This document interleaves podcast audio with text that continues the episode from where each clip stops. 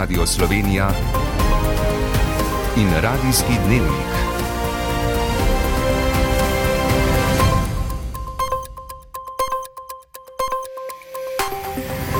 Ura je 18 in 30 minut. Lepo pozdravljeni. Po dveh urah in pol od začetka finalne tekme svetovnega nogometnega prvenstva v Katarju še vedno ni jasno, kdo bo osvojil naslov svetovnega prvaka. Argentina in Francija sta bili po rednem delu izenačeni z 2 proti 2, trenutno so v vodstvu Argentinci s 3 proti 2. Več o napetem finalu takoj po drugih povdarkih oddaje. Unija pred srečanjem energetskih ministrov usklajuje cenovno kapico na plin. Zdravniška zbornica ob zaostrenih razmerah v zdravstvu svari pred dodatnimi obremenitvami zdravnikov. Na občinah so se slovesnostjo spomnili ubitih protifašistov obsojenih na drugem tržaškem procesu. Jutri na primorskem in v višjih legah večinoma sončno, v notranjosti megleno. Z vami sva Barbara Zupan in Blaž Pernat. Začenjamo torej s finalom na svetovnem nogometnem prvenstvu v Katarju, kjer se za naslov svetovnega prvaka borita Argentina in Francija. V studiu se mi je zdaj pridružil športni kolega Aljaš Golčar. Pozdravljen. Živja. Ja, do 80 minute tekme se je zdelo, da je že vse odločeno, na to pa je sledil nenaden preobrat. Ja, točno tako. Argentina je začela tole tekmo naravnost eh, izvrstno in sicer takoj borbeno, napadalno šla je na vsako žogo in v 23 minuti tudi prišla do gola za vodstvo in sicer eh, z 11 metrov, veliko 11 metrov so dobili Argentinci na tem mundialu. Lionel Messi je zadev na to, kar hladnokrno za vodstvo Argentine z 1 proti nič v 36 minuti je izkušeni veteran Angel Di Maria povišal na 2 proti nič in vse se je zdelo, da francozi nikakor ne ne najdejo nobene rešitve za igro proti Argentini, potem pa je odreagiral že v prvem polčasu francoski selektor Didier Deschamps, napravil dve menjavi že v 41 minuti, tudi najboljšega streljca reprezentance vseh časov Olivieja Žiruja potegnil iz igre, da bi spremenil način igranja, no francozi tudi v drugem polčasu niso uspeli najti poti proti vratom Argentine, preden se ni odprlo Kilianu Mbappéju, dobili so francozi s kančkom sreče 11 metrov, ko izenačili v 80 minuti, potem pa je le minuto zatem Kilian Mbappé dosegel še en gol, postal najboljši strelec na tem svetovnem prvenstvu s svojim sedmim zadetkom na mundialu v Katarju, ampak dve proti dve in pomenilo je to, da se je začel sodniški dodatek, tam pa je Argentina na to prišla do novega gola za vodstvo s tri proti dve in Lionel Messi je dosegel svoj drugi gol in zdaj sta Messi in Mbappé spet izenačena tudi v vlogi najboljših strelcev tega svetovnega prvenstva. Torej Argentina proti Franciji vodi v drugem delu podaljška s tri proti dve, do konca pa je še približno 10 minut igre in če Francija izenači, mora biti tudi 11 metrovke. Hvala, Aljaš, za zdaj. K izrazito napetemu finalu se torej vrnemo v športnem delu oddaje. Pred jutrišnjim zasedanjem energetskih ministrov članice Evropske unije, na katerem bodo skušali doseči dogovor o mehanizmu za omejevanje cen zemeljskega plina, poteka dogovarjanje držav o tem, pri kateri ceni postaviti kapico. Po neuradnih podatkih agencije Reuters naj bi skušali postaviti cenovno kapico za plin na precej nižjo ceno, kot je predlog Evropske komisije. Ta predvideva kapico na 275 evrih za megavatno uro, medtem ko članice Evropske unije želijo kapico postaviti pri 188 evrih na megavatno uro. Ta bi se sprožila za tri dni, če bi cena plina na nizozemskem vozlišču TTF presegla 188 evrov. Države, ki nasprotujajo takšni cenovni kapici, menijo, da bi zaradi nje Evropa lahko ostala brez plina. Osnutek dogovora, ki so ga danes dosegli na srečanju pogodbenic konvencije o biološki raznovrstnosti COP15 v Montrealu, poziva bogatejše države, da povečajo finančno pomoč državam v razvoju na 20 milijard dolarjev letno do leta 2025, do leta 2030 pa na 30 milijard. Ob tem dogovor poziva države, da zagotovijo in omogočijo, da bo do leta 2030 vsaj 30 odstotkov kopenskih celinskih vodnih ter obaljnih in morskih območij učinkovito ohranjenih in upravljanih. Na srpski strani mejnega prehoda Jarinje, ki vodi na Kosovo, je danes potekal shod skrajnih desničarjev, ki ga je tik pred mejo ustavil kordon srpske policije. Protestniki so po poročanju lokalnih medijev pripadniki narodne patrulje pod vodstvom Damjana Kneževiča in gibanja Ljubezen, vera, upanje Nemanje Šaroviča, ki naj bi bila povezana s skrajno desno skupino Rusov in rusko paravojaško organizacijo Wagner. Na Kosovo kljub unovični krizi v odnosih Srbijo močno odmeva odločitev posebnega Haškega sodišča za vojne zločine na Kosovu, ki je nekdanjega poveljnika osvobodilne vojske Kosova Saliha Mustafija obsodilo na 26 let zapora zaradi umora in mučenja. To je prva obsodba tega sodišča za vojne zločine med letoma 1998 in 1999, ki so mu v Prištini dolgo ostro nasprotovali, a na koncu popustili mednarodne mednarodnemu pritisku. Prispevek Boštjana Anžina.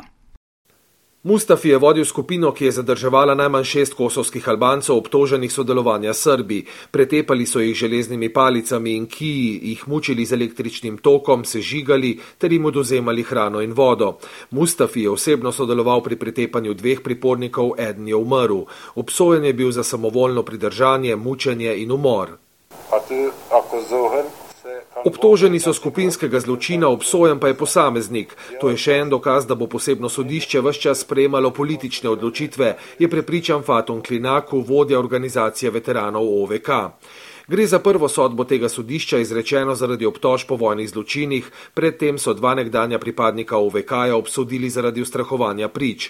Ustanovitvi sodišča so dolgo ostro nasprotovali predvsem v stranki sedanjega premijeja Albina Kurtija in se spraševali, zakaj potem ni tudi posebnega sodišča za srbske zločince, ki so na prostosti in jim niso nikoli sodili. Lufta, Osvobodilna vojska Kosova se je bojevala za svobodo, to je bil pravičen boj proti Slobodanu Miloševiču, njegovemu režimu in okupaciji. Na odločitev se je treba pritožiti in pravici bo zadoščeno, pravi besnik Tahiri, vodja zavezništva za prihodnost Kosova. Očitno obstaja napačna predstava, da gre za obtožbe proti osvobodilni vojski Kosova kot celoti ali proti vsem prebivalcem Kosova. Nič ne bi moglo biti dlje od resnice, zagotavlja sodnica Mayfield Folja. Sodišče so leta 2015 ustanovili po kosovskem pravu, financira ga Evropska unija, mednarodni sodniki pa obravnavajo zločine, ki jih ni preiskalo Haško sodišče za vojne zločine na območju nekdanje Jugoslavije. Nastanek je spodbudilo tudi poročilo posebnega poročevalca Sveta Evrope Dika Martija leta 2011, ki je OVK očital hude vojne zločine, tudi trgovanje z organi. Na sojenje pa med drugim čaka tudi nekdani predsednik Hašim Tači. Nadaljujemo v zamejstvu. Na občinah so se danes slovesnostjo spomnili petih slovenskih rodoljubov, ki so bili leta 1941 obsojeni na drugem tržaškem procesu. Posebno fašistično sodišče je 60 protifašistov obsodilo na dolge zaporne kazni, Viktor Bobek, Ivan Ivančič, Simon Kos, Pinko Tomažič in Ivan Vandal pa so pod streli padli 15. decembra. Kraj spomina še danes po 81 letih ni dočakal spoštljive ureditve ureditve, saj je športno strelišče še vedno aktivno, park miru pa prazna obljuba. Špela Lenardič. Sodba prvega tržaškega procesa, na katerem so bili na smrt obsojeni štiri bazoviški junaki, ni ustavila slovenskega upora fašističnemu raznorodovanju. Nasprotno, drugi tržaški proces tako predstavlja nadaljevanje Mussolinijeve represije, aretacij in mučenja tistih, ki so se borili za svobodo. Dušan Kalc, tržaški pokrajinski tajnik Vsedržavnega združenja partizanov Italije.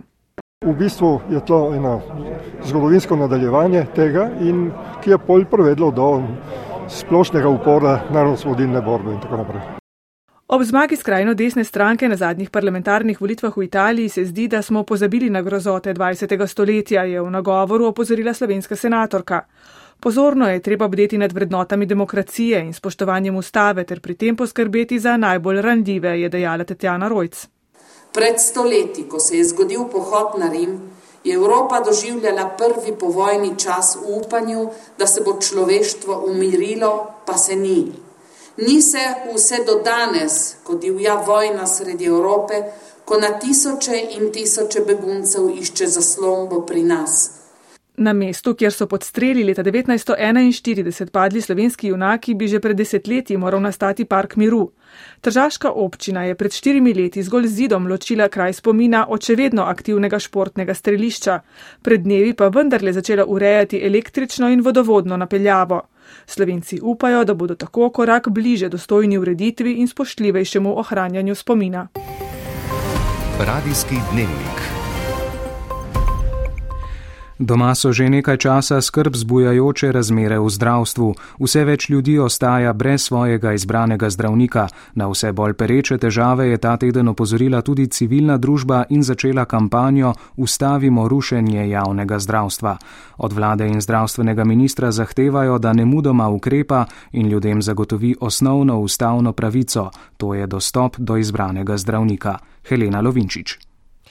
130 tisoč bolnikov si danes ne more izbrati družinskega zdravnika. Vsak dan se tej žalostni karavani pridruži še 60 novih. Ne vem, kaj narediti v tej situaciji. To ni zadeva, ki je od včeraj. V mojih letih človek rabi že zdravnika skoraj da vsak dan. Ne. Na zalogo sem si nabral recepte, tako da čeprav pa, ko bo to pošlo, ne vem, kako se bo naprej zgodilo. Pravica do izbranega zdravnika je državljanska pravica.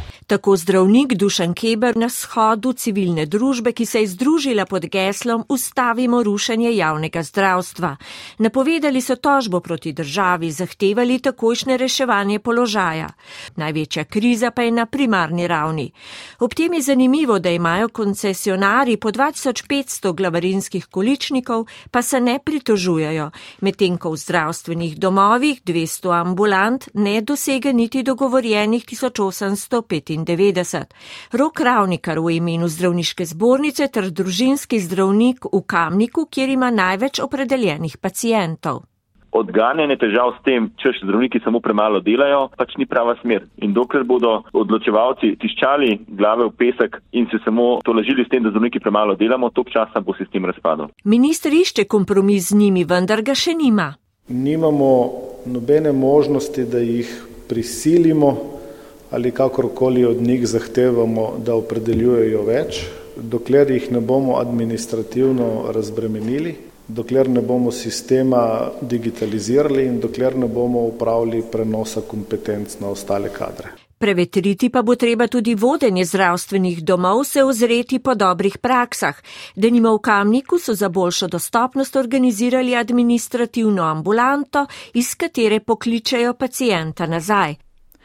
Število okužb s COVID-om se v zadnjem mesecu dni povečuje, vrh naj bi zimski val dosegel v začetku januarja. COVID-19 res da ni več tako nevaren, kot je bil v minulih dveh letih, a ni le prehladno obolenje, zato je še vedno potrebna previdnost. Pred prazničnimi druženji stroka svetuje previdnost in odgovorno ravnanje ob morebitni okužbi. Več Katja Arhar. Slovenija spada med države, kjer se pričakuje hitrejše širjenje virusa SARS-CoV-2 v tem zimskem valu, ki se je začel pred mesecem dni. Ob tem epidemiologi izpostavljajo še Avstrijo, Italijo, Francijo in Grčijo. Med različicami omikrona prevladuje podrazličica BA5, vse bolj se širi tudi BQ1. Tokratni zimski COVID-ni val pa kljub hitremu širjenju omikrona ne obremenjuje zdravstvenega sistema tako močno, kot so to počele prejšnje različice. Kljub temu za rizične skupine z oslabljenim imunskim sistemom COVID še vedno predstavlja nevarno bolezen, opozarja infektolog Janez Tomažič z Ljubljanske infekcijske klinike. Ko v bolnišnico pridejo te ranljive osebe, ki predvsem, če niso bili cepljeni, niso preboleli, te še vedno pridejo v intenzivno enoto. Bolj rizičnim bolnikom so na voljo tudi zelo učinkoviti koktejli zdravil proti COVID-u, ki pa jih je potrebno prejeti v prvih dneh po razvoju simptomov. Zato dr. Tomažič svetuje čim prejšnji obisk zdravnika. Eno zdravilo damo lahko v petih dneh, eno pa v sedmih dneh. In zdravila, če damo bolj zgodaj, damo bolj učinkovito in bo preprečil hospitalizacijo in smrt. Necepljenje, ne predhodna okužba ne moreta popolnoma preprečiti prenosa virusa, zato še vedno velja, da ko zbolimo, ostanemo doma. In kaj epidemiologi pred prazniki svetujejo rizičnim skupinam? Odgovarja Marta Grgič-Vitek z Nacionalnega inštituta za javno zdravje. Prav gotovo ni priporočljivo, da se zadržujejo v kakšnih prenatrpanih prostorih. Če je blazno nujno, naj si nadanejo maske, sicer pa naj se tisti, ki niso bili cepljeni v zadnjih šestih mesecih od teh rizičnih skupin, cepijo s temi prilagojenimi cepivi, ki so na vsak način bolj eh, prilagojena tem različicam, ki trenutno krožijo. Število okužb bo po napovedih raslo do približno konca leta, morda še v začetku januarja, potem pa naj bi začelo počasi upadati. Pred koncem še v posvetni Rim, ki slovi po marsičem, a pri prazničnem okrasju je praviloma skromen. Letos zaradi energetske draginje še toliko bolj.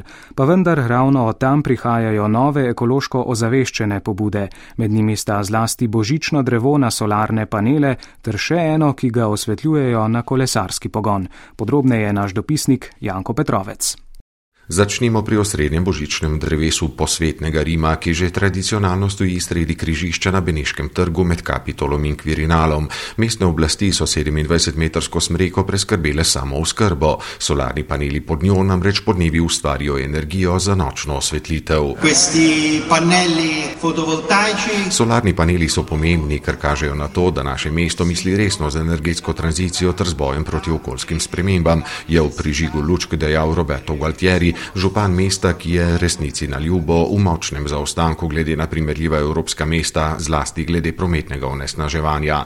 Toda simboli so pomembni, zato vrh Kapitola na trgu pred rimskim rotovžem še bolj ekološko. Lučke na tamkajšnjem drevesu prižigajo kar mimo idoči, tako da poganjajo pedale na šestih kolesih, ki generirajo električno energijo. Skrb za okolje je zdaj poglavitna tema, pa tudi največji izziv prihodnjih let. Kdo tega ne razume, je bitko že izgubil, meni pobudnik biciklistične jelke Andreja Sata. Okrasitev rimskih ulic je sicer po večini prepuščena pobudam trgovskih združenj, zato pa je omembe vredna še zamisel Čar Luči, s katero so letos osvetlili rimski botanični vrt, dosledno z nizkoenergijskimi lecijalkami in laserji. Rim bo ostal božično okrašen do 8. januarja, kar velja tudi za Vatikanski trg svetega Petra.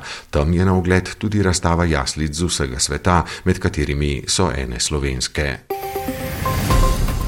V nadaljevanju se vračamo k napetemu finalu svetovnega nogometnega prvenstva v Katarju. Besedo ima Marko Polak. Prijeten večer želim.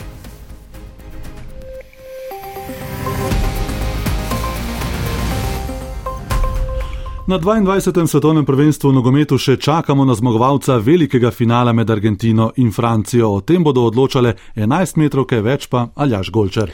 Epski finale tega svetovnega prvenstva še ni končan, medtem ko je kazalo 80 minut na gladko zmago Argentine, potem ko je Lionel Messi zadev z najstrožje kazni v 23 minuti in Angel Di Maria v 36 povišal na 2 proti nič. Francozi niso in niso našli poti proti argentinskim vratom, naredili so že dve spremembi v prvem polčasu, v drugem delu zaigrali nekoliko bolj energično, nekoliko živahneje, ampak rešil jih je na koncu v rednem delu srečanja Kilian Mbappé z dvema zadetkoma, najprej z najstrožje kazni, potem pa še minuto kasneje za izenačenje na dve proti dve. In sledil je podaljšek, v katerem je Argentino v vodstvo popeljal Lionel Messi in spet se je zazdelo, da je mogoče vendarle usvojeno Argentini osvojiti tretji naslov svetovnega prvaka, pa so v boju za svoj tretji naslov svoje povedali tudi francozi in sicer z golom za 3 proti 3 v neverjetno 118 minuti tekme Kilian Mbappé je še enkrat stopil na sceno in dosegel hetrik v finalu svetovnega nogometnega prvenstva, s tem spet postal sam najboljši strelec tega mundiala in ta naziv mu bo zdaj to vemo že pripadel. Jasno pa je, da bo odločitev o zmagovalcu padla po izvajanju 11 metrov, v katerih je bil še kako razpoložen v preteklosti na tem prvenstvu. Argentinski vratar Emiliano Martinez, francozi na tem prvenstvu 11 metrov še niso izvajali, niso jih potrebovali na svoji poti do finala. Francija lahko danes postane tretja reprezentanca, ki bi ubranila osvojila naslov svetovnega prvaka. Nekaj 11 metrov je danes že bilo natančna, sta bila tako Messi kot Mbappé, trenutno poteka žreb in vse, kar sodi zraven na sredini igrišča. Če bi želeli pospremiti do konca finale svetovnega prvenstva na radijskih valovih, pa vabljeni v družbo Vala 202, kjer spremljamo dogajanje vse od začetka pa tudi do konca. Ob nogometnem prvenstvu so dan zaznamovali številni svetovni pokali na zimskih prizoriščih, v novič z lepimi slovenskimi dosežki. Na generalki smučarskih skakalcev pred novoletno turnejo je v Engelbergu Anžela Nišek po včerajšnji zmagi osvojil še tretje mesto. V finalni seriji je bil najboljši med vsemi, 142 metrov dolgim skokom in čudovitimi ocenami za slog, se je z šestega mesta povzpel na zmagovalni odr. Danes mi mogoče prvi seriji ni uspel uh, tak. Um napad, kot bi si želel. Sicer um, na mizi je bil skok odličen, ampak uh, preveč sem bil agresiven čez prelet in uh, ja, v bistvu tist me je oddaljil uh, od borbe za zmago danes. Četrta zmaga v sezoni za skupno vodilnega Poljaka Davida Kubatskega, Anžela Nišek pa bo novoletno turnejo začel kot drugi skakalec zime. V slovenski reprezentanci še štirje finalisti: Lauro Kos 11, Petr Prevc 13, Žiga Jelar 16 in Domen Prevc 21. Še boljša uvrstitev se je obetala alpskemu smučarju Žanu Krancu, ki je bil vodilni po prvi vožnji veleslaloma v Alta Badiji.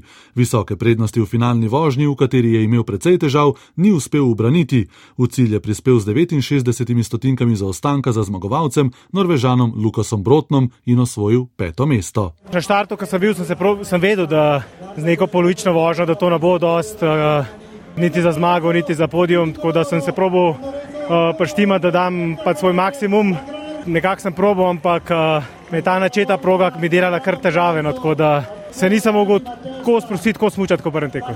Drugo mesto je osvojil zmagovalčev rojak Henrik Kristofersen, tretji je bil švicar Marko Odermat, ki je svojo prednost v veleslalomskem seštevku pred Krancem in Kristofersenom še povečal. Štefan Hadalin je odstopil v prvi vožnji, jutri bo na progi Gran Riza še en veleslalom. Ženski del karavane je nastope sklenil v švicarskih Alpah, v St. Moricu je bila na zahtevnem superveleslalomu najboljša američanka Mikaela Šifrin, ki se je veselila 77. zmage v svetovnem pokalu. Edina slovenska predstavnica Ilka Štuhec je bila 17. Enaka uvrstitev tudi za Jakova Faka na tekmi biatloncev s skupinskim startom, v Nesiju v Franciji na prvih treh mestih norveški tekmovalci, zmagal je Johannes Dale.